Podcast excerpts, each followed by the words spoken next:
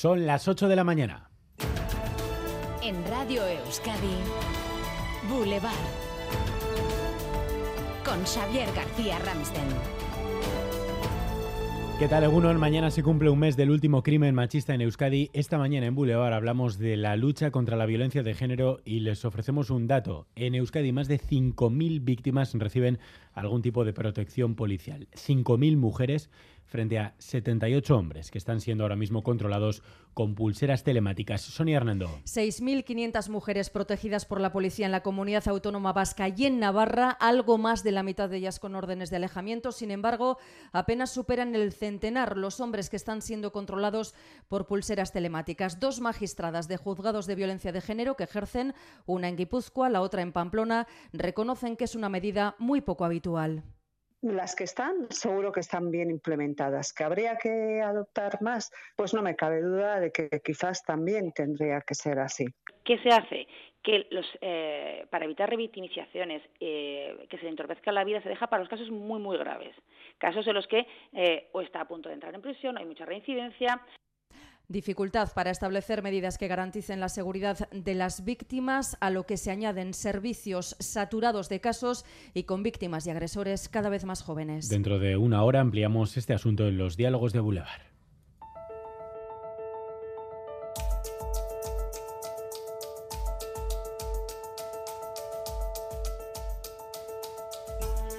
Martes 27 de junio, homenaje este mediodía a otras víctimas, las víctimas del terrorismo en el Congreso Ainhoa Iglesia con ausencias destacadas. Ni Covite ni la Asociación de Víctimas del Terrorismo OVT ni Dignidad y Justicia acudirán al homenaje anual porque rechazan la presencia de miembros de EH Bildu en el homenaje y también el papel que ha jugado durante esta legislatura llegando a acuerdos con el gobierno. El Partido Popular Vasco también critica la presencia de Bildu por no ser sincera, es solo una pose, decía Carlos Iturgaiz en Boulevard. El gobierno español aprueba esta mañana el decreto anticrisis por el que se extiende la rebaja del IVA de los alimentos básicos, las ayudas al transporte público y más. Vamos a, eh, aprobar algo que ya teníamos, eh, digamos, elaborado en la adenda que hayamos presentado a la Comisión Europea y es una deducción, una desgrabación en el impuesto de la renta de las personas físicas del 15% para eh, la compra de vehículos eléctricos Pedro Sánchez anoche en la SER, apenas una semana para que arranque la campaña electoral, apurará, ya lo ven, los consejos de ministros. Por cierto, estaba previsto que hoy aprobará también el fin de la mascarilla obligatoria en farmacias, hospitales y residencias. Al final lo dejan para julio. En Boulevard hablaremos en media hora con el experto en salud pública, Rafael Bengoa, a ver qué le parece la eliminación de las mascarillas. Y enseguida, en unos minutos, vamos a conectar en directo con Polonia para hablar con la consejera de Desarrollo Económico, Arancha Tapia. Acaba de llegar a este país donde, entre otras muchas cosas, se va a abordar la reconstrucción de Ucrania. Cuando termine la guerra veremos qué papel puede jugar la industria vasca para colaborar en esa reconstrucción que esperemos sea lo antes posible. Antes, otros titulares de la mañana, con Leire García.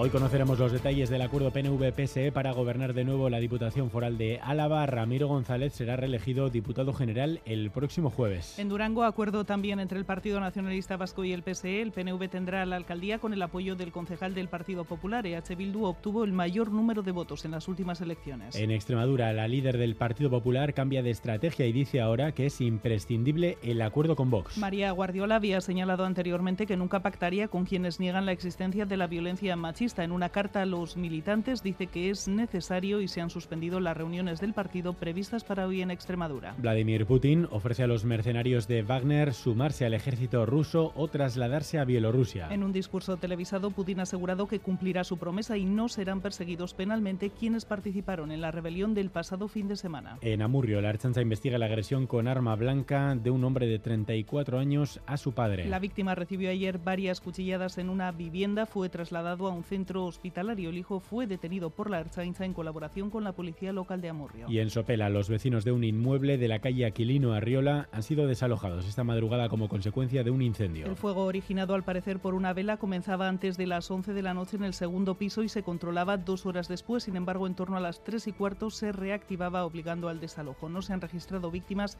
pero hay daños materiales como consecuencia del fuego que ha quedado extinguido en torno a las 5 de la mañana. Y en la semana del Tour, mucha atención en carreteras atención y sobre todo previsión, porque la llegada de la Grande Par coincide con la operación salida de verano. Xavier Madariaga. 40 millones de desplazamientos internos, 2 millones más que trae la operación Paso del Estrecho, hasta ahí lo habitual de todos los años, pero es que esta vez es el más difícil todavía porque hay que sumarle el Tour. Controlándolo todo, el número de agentes activados va a ser el mismo del año pasado, 550. Y en lo deportivo, finalmente serán siete los corredores vascos que tomen la salida en el Tour de Francia dentro de cuatro días en Bilbao. César Pérez Gazolaz. Pello Bilbao y Mikel Landa en el Bahrein, Jonathan Castroviejo y Omar Fraile en Ineos, Gorka Izaguirre y Alex Aramburu en Movistar y Johnny Izaguirre, su hermano, el hermano de Gorka en Cofidis. Esta va a ser la representación vasca, no mucha en cuanto a cantidad, pero sí en cuanto a calidad en nuestro sitio de ciclistas en la carrera francesa que va a comenzar este sábado con las tres primeras etapas discurriendo por Euskal Herria. Boulevard. El tiempo. Euskalmet, Miriam Ruiz, Egunon. Caixo Gunón, aunque empezamos la jornada con ambiente gris y con alguna llovizna, hoy irá levantando. Durante la mañana todavía las nubes serán abundantes y principalmente en zonas de la mitad eh, norte lloverá algo, pero con el paso de las horas las nubes irán a menos, de manera que de cara a la tarde podremos disfrutar de un ambiente soleado en todo el territorio. El viento va a soplar del norte, por la tarde ganará algo de fuerza, especialmente en zonas de Álava y del centro y sur de Navarra, y con esta situación las temperaturas apenas eh, cambiarán. Las máximas eh, rondarán de nuevo los 23 o 24 grados. Por lo tanto, tendremos una mañana gris eh, con alguna llovizna, pero por la tarde se irá imponiendo el sol. Temperaturas hasta ahora tenemos 20 grados en Bilbao, Bayona y Plencia, 19 en Donostia, 18 en Amurrio, 17 en Tafalla y Legazpi, 16 en Iruña y en Gasteiz. Caixo Egunon, los arcos tenemos 15 grados. Aupa, agur. Egunon, elgean amabos gradu eta lainoa. Agur. Egunon, gaur irunen emeretze gradu. Egunon izan.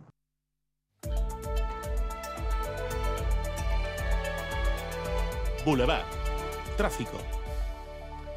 Atención, si circulan por la 8 a la altura de Ontón, sentido Santander, en concreto el paso por el viaducto de esta localidad, un camión se ha precipitado al vacío y después se ha incendiado. Se circula con normalidad en la zona, pero efectivos de la Guardia Civil están trabajando en estos momentos para intentar localizar al conductor del vehículo que ha caído y después se ha incendiado. Como decimos, el camión iba cargado de piezas de coche y por el momento se desconocen las causas que han provocado el siniestro. Ayúdanos a mejorar nuestra información con tus comentarios, fotos y vídeos.